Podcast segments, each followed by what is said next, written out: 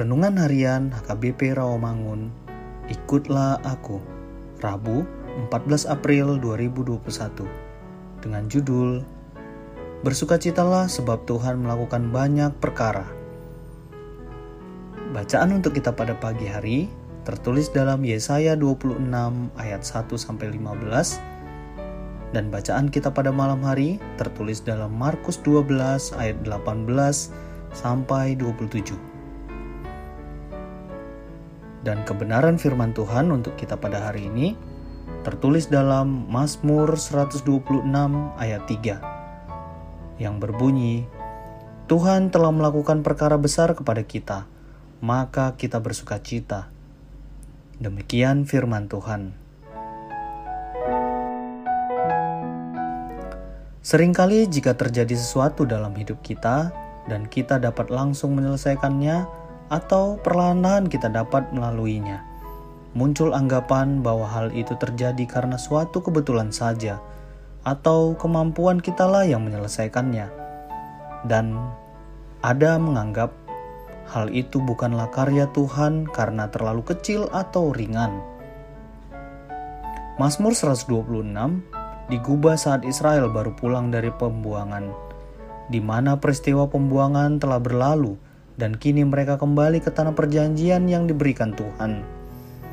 Dalam hal ini, pemazmur mengingatkan bahwa semua ini terjadi bukanlah karena perjuangan mereka atau para pahlawan mereka, maupun kebaikan hati dari pemerintah tempat di mana mereka terbuang.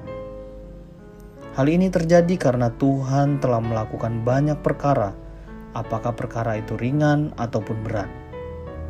Bahkan Tuhan terus berkarya dalam kehidupan manusia hingga saat ini.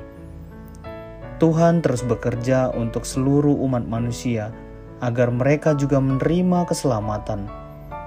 Jika kita melihat bahwa kehidupan orang percaya tidak selalu terbentuk dalam kehidupan yang senantiasa bahagia, senang, dengan tanpa ada masalah. Tetapi persoalan hidup, beban berat, juga mewarnai proses menuju pendewasaan imannya. Orang percaya tidak kebal dari berbagai persoalan, tetapi orang percaya selalu menjadi kuat melalui persoalan yang dihadapinya. Pergumulan, persoalan, dan kesedihan boleh saja mewarnai perjalanan iman kita. Tetapi, dalam keadaan yang seberat apa pun, marilah kita tidak kehilangan pengharapan dan keyakinan bahwa Tuhan pasti menolong. Karena itu, senantiasalah bersuka cita karena Tuhan telah melakukan dan akan melakukan banyak hal dalam hidup kita. Mari kita berdoa. Kami mensyukuri segala apa yang telah dan akan Tuhan lakukan dalam kehidupan kami. Amin.